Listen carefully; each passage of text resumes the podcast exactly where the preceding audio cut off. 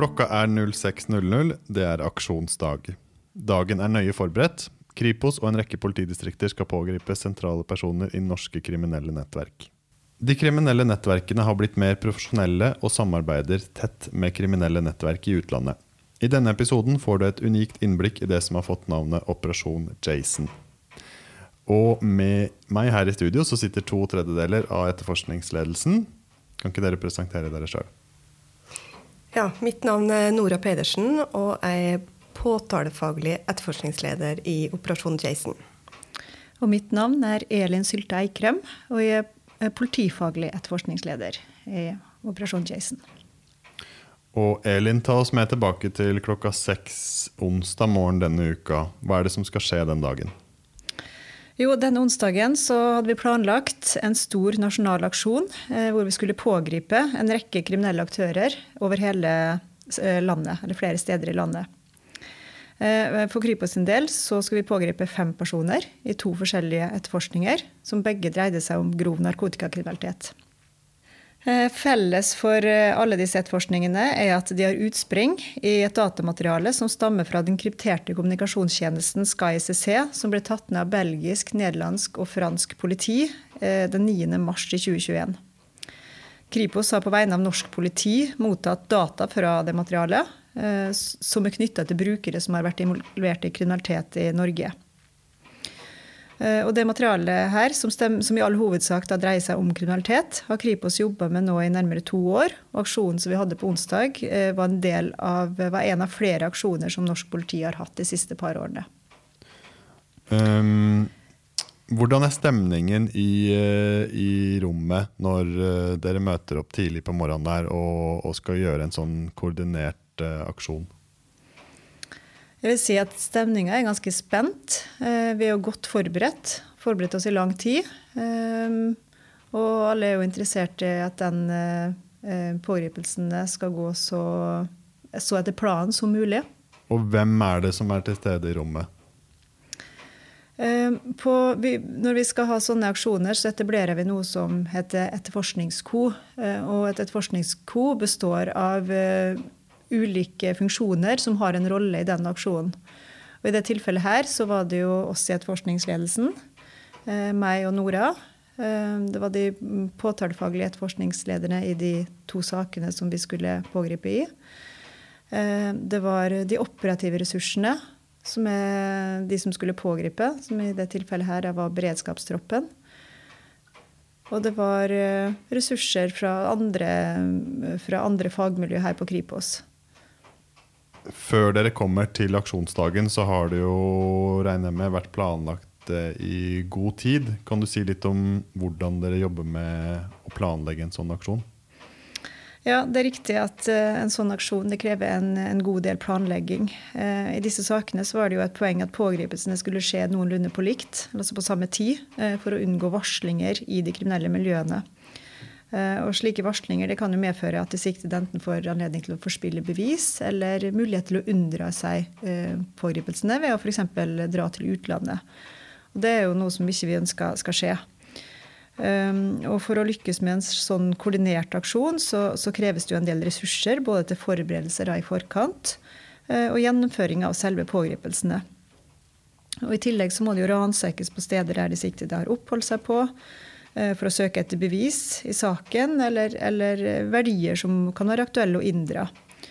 Eh, det må forberedes avhør eh, av de siktede. Det er mange personer som er involvert, og, dette krever jo en god samhandling både i forkant og, og underveis i aksjonen. Og I denne aksjonen her så var det jo også flere politidistrikter som var involvert. Vi kan også stille enda større krav da, til en koordinering i forkant. Da har du vært innom litt um, ulike taktiske vurderinger som uh, må gjøres i forkant, og som er en del av planleggingen.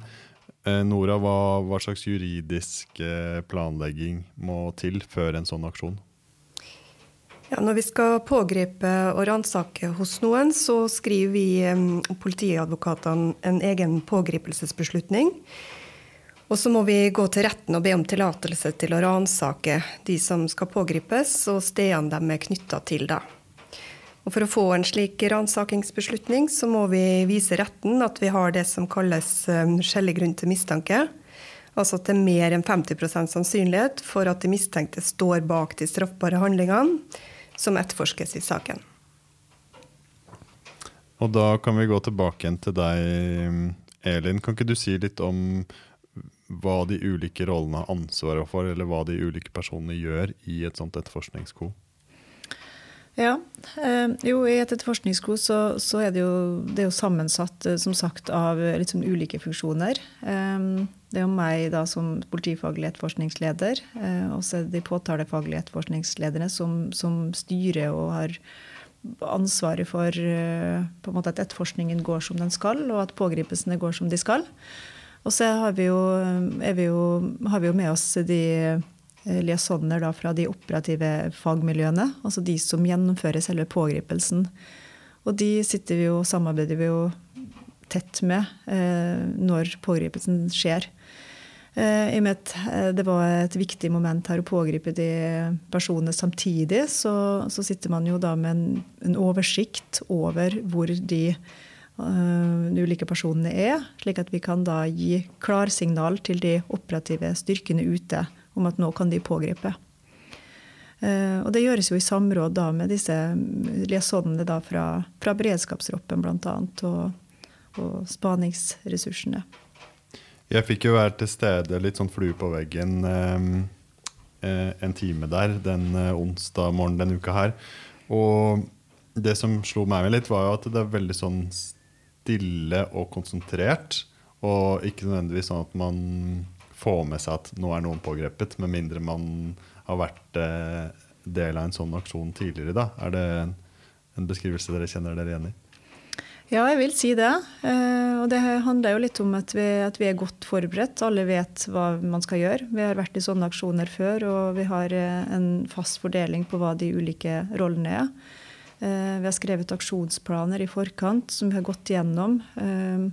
Og alle er klar over da hva som er sitt ansvarsområde. Eh, og når ting går etter planen, som, som de gjorde på onsdag, da, da er det også stemninga deretter. Og så denne onsdagen så var det fem personer som eh, skulle pågripes i to ulike Kripos-aksjoner. Eh, hva kan dere si om disse fem personene? Eh, jeg kan ikke si så mye konkret om hver enkelt person, eh, men det som jeg kan si er at, eh, at de personene som, som, politiet pågrep på onsdag, det er alle personer som vi mener har sentrale roller i kriminelle nettverk. Enten da som bakmenn, organisatorer, eller, eller viktige medhjelpere da, for, for disse bakmennene og organisatorene. Og noen av de som vi har pågrepet, har politiet forsøkt å, å ta i flere år eh, pga. Mistanke, om, mistanke om alvorlig kriminalitet, uten at vi har lykkes med det. Og Det skyldes jo bl.a. at de personene eh, har det som vi kaller høy operasjonssikkerhet. Altså de kommuniserer med hverandre på krypterte kanaler. Eh, og er generelt forsiktige eh, og bruker andre personer lenger ned i hierarkiet til å hente, oppbevare og utlevere narkotika for seg. Og det har gjort at de har klart å skli unna gang på gang.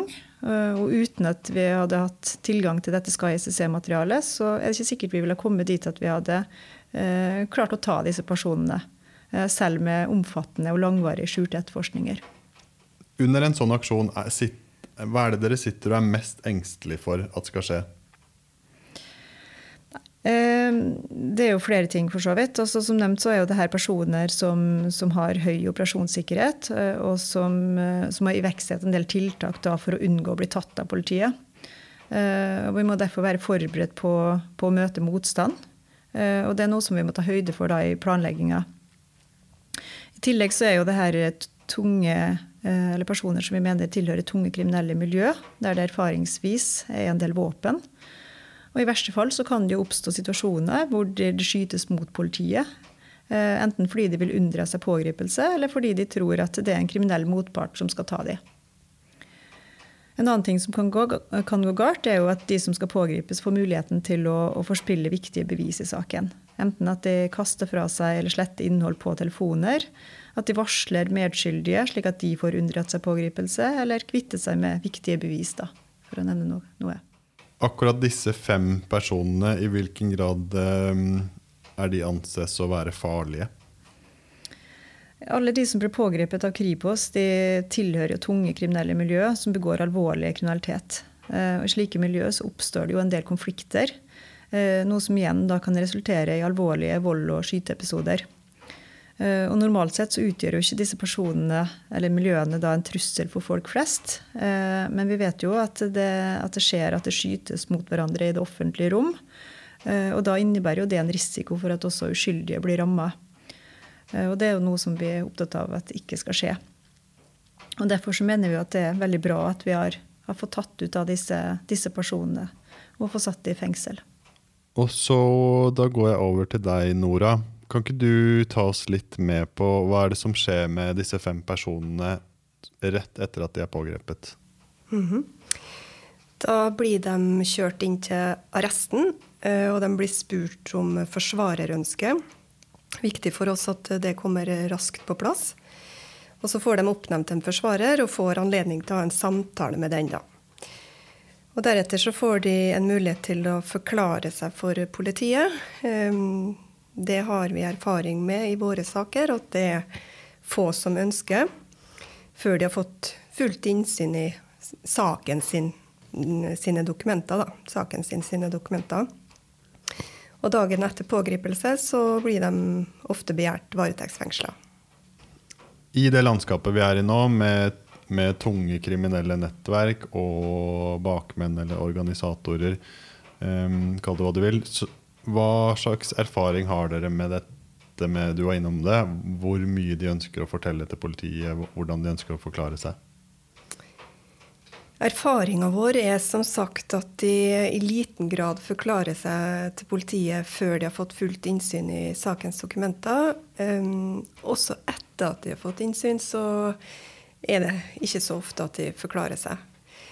Um, det er først når man står i en hovedforhandling, når det er tatt ut tiltale og, og bevisene legges fram i, i retten, at de ønsker å komme med en forklaring. Og da forklarer de seg veldig ofte om kun seg selv.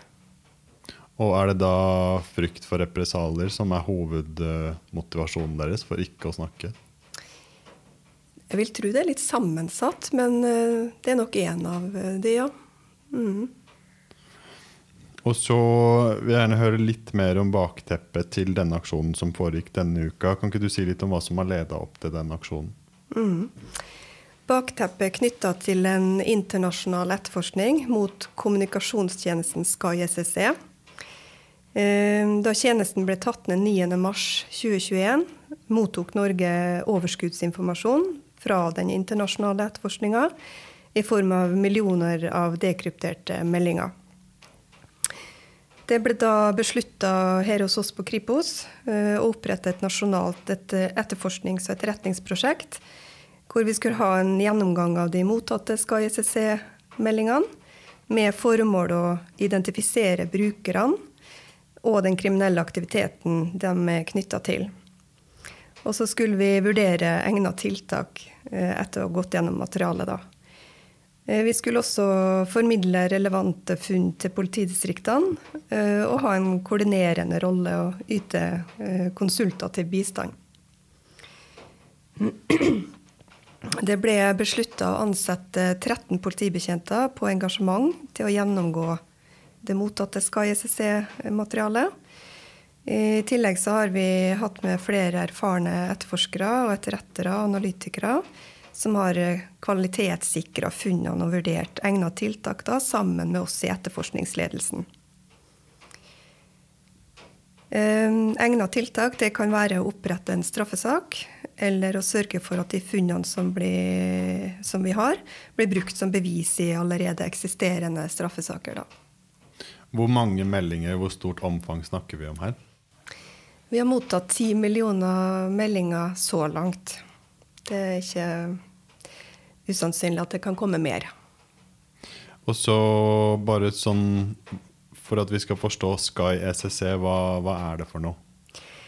Sky SSC er et internasjonalt selskap som tilbyr en meldingstjeneste med høy sikkerhet.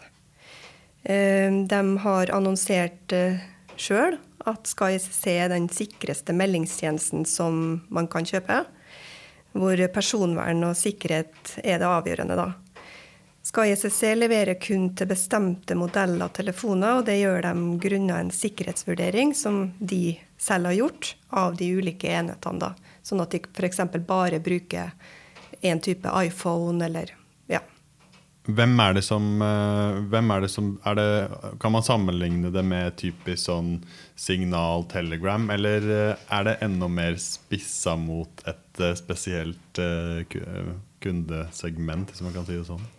Um, apper som Signal og Telegram og sånne ting, det er en app som ligger på en normal telefon, kan du si.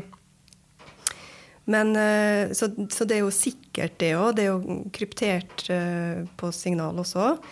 Men det ligger på en telefon som, som har uh, tilgang til internett osv. Skal Sky SSC-telefonene de Eh, som sagt så er det ulike modeller de eh, anser er egnet til å brukes til dette her, eh, denne tjenesten. da. Og telefonene settes opp med Sky SSC, slik at all annen normal bruk av telefonene deaktiveres. Telefonen kan kun brukes i kontakt med andre Sky SSC-telefoner. og på slike Sky SSC-telefoner så kan man sende én-til-én-melding F.eks. tekst, bilder, kontaktkort eller notater. Man kan sende gruppemeldinger. Man har såkalte flash-meldinger. Det betyr at meldingene slettes automatisk 30 eh, sekunder etter at de er lest. Eh, broadcast-meldinger er korte meldinger til alle eller utvalgte kontakter som man har lagt til. Man kan sende lydmeldinger. Ja. Eh, telefonene kan ikke brukes til å ringes med f.eks. eller surfe på internett. eller Det er ingen andre applikasjoner å bruke på disse telefonene. da. Um, telefonene er rett og slett ende-til-ende kryptert. Hvor mye koster det? Koster 20 000-25 000 i året å ha en sånn telefon. Mm, så det er ganske dyrt.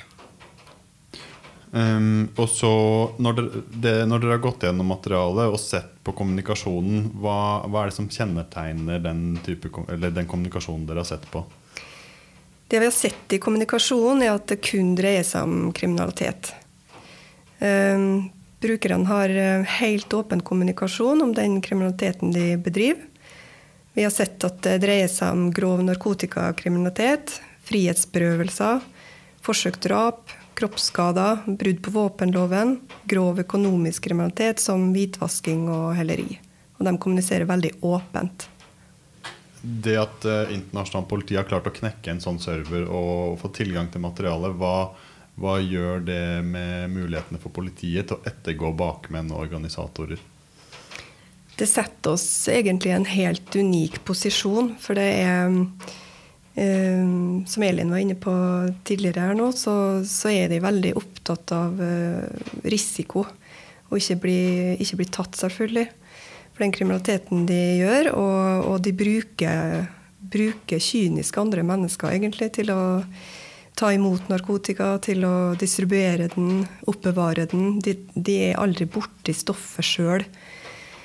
Sånn at uh, det har jo Flere av de har jo vært under etterforskning tidligere uten at man har uh, lykkes med å, med å, skaffe tilstrekkelig bevis mot dem til å kunne ha en iretteføring mot dem og få en domfellelse. Sånn at um, materialet har satt oss i en helt unik posisjon. At vi nå har bevis mot organisatorer, mot bakmenn, som vi tidligere ikke helt har lykkes med å få tatt. da. Som vi har visst da har drevet med grov eh, organisert kriminalitet. Mm. Det er ikke sikkert alle som hører på, um, skjønner hva, hvor omfattende sånne etterforskninger er, og hva slags metoder som brukes. Kan ikke du bare sånn kort fortelle om um, hvordan politiet jobber opp mot de tyngste kriminelle nettverkene? Mm.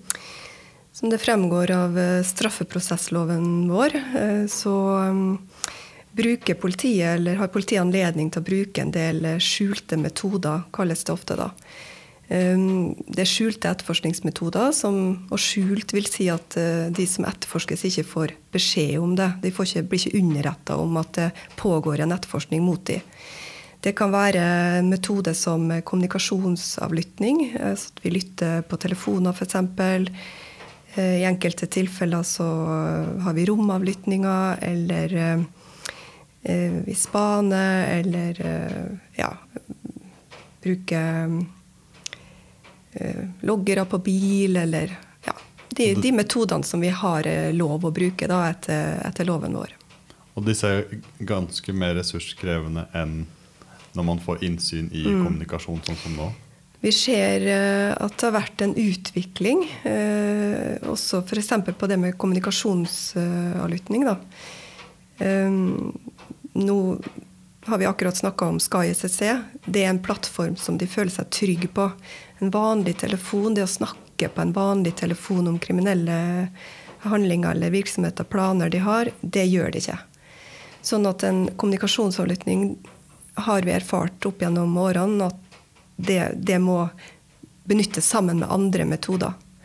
Sånn at um, vi ser vel egentlig at det kreves flere metoder for å oppnå det samme som det kanskje gjorde for 10-15-20 år siden. Um, og, og, i det så ligger også at det ofte tar lengre tid. Det, det blir både tidkrevende og ressurskrevende Eh, for politiet å oppnå gode resultater. Dere får ti millioner meldinger. Eh, og det er bare nordmenn som er involvert? Eller kan du si litt om hvem er det som er eh, Hvorfor får vi akkurat de ti millioner meldingene? Ja, vi har um, mottatt data på ca. 1250 brukere, eller SkyCC-identer. da. Um, og de er knytta til kriminalitet som er begått i Norge, og det er det vi har hatt fokus på. Um, så det, det, er flere nasjonaliteter. Det er ikke bare nordmenn, dette her, men det, det, er brukere som har begått kriminalitet eller vært medvirkende til kriminalitet som er begått i Norge. Det er det vi har sett på. Det er den dataen vi har konsentrert oss om. Um, begge dere har jo jobba med organisert kriminalitet lenge, men Eh, når dere, når dere, har gått inn og sett i meldingene, hva slags type voldsbruk og voldskapital er det dere har sett? Det er snakk om uh, grov voldsbruk. Uh, vi ser forsøk på drap. Det er flere frihetsberøvelser som er ganske alvorlige. Uh, grove kroppsskader. Vi ser at det er mange tydelige eksempler på hvordan organisatorer kjøper kriminelle tjenester. De kjøper tjenester fra f.eks. torpedo og leiemordere og, og sånt noe. Og det, det er alvorlig. Det, det, er grov voldsbruk vi ser.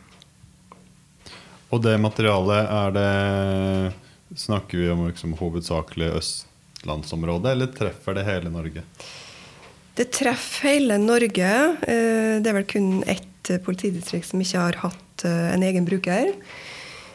Men vi må være ærlige og si at det er jo hovedsakelig på østlandsområdet. Og, da snakker jeg ikke om Oslo, men østlandsområdet i stort. da. Det treffer flere politidistrikt, men hovedsakelig kanskje da østlandsområdet. Vi har flest brukere der, da.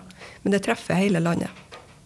Og altså det er jo sånn at Politidistriktene har jo ansvar for, sitt, for sine innbyggere kall det det, og kriminalitet som skjer i sine politidistrikt. Hvordan har dere samarbeida med distriktene um, og delt materiale med dem?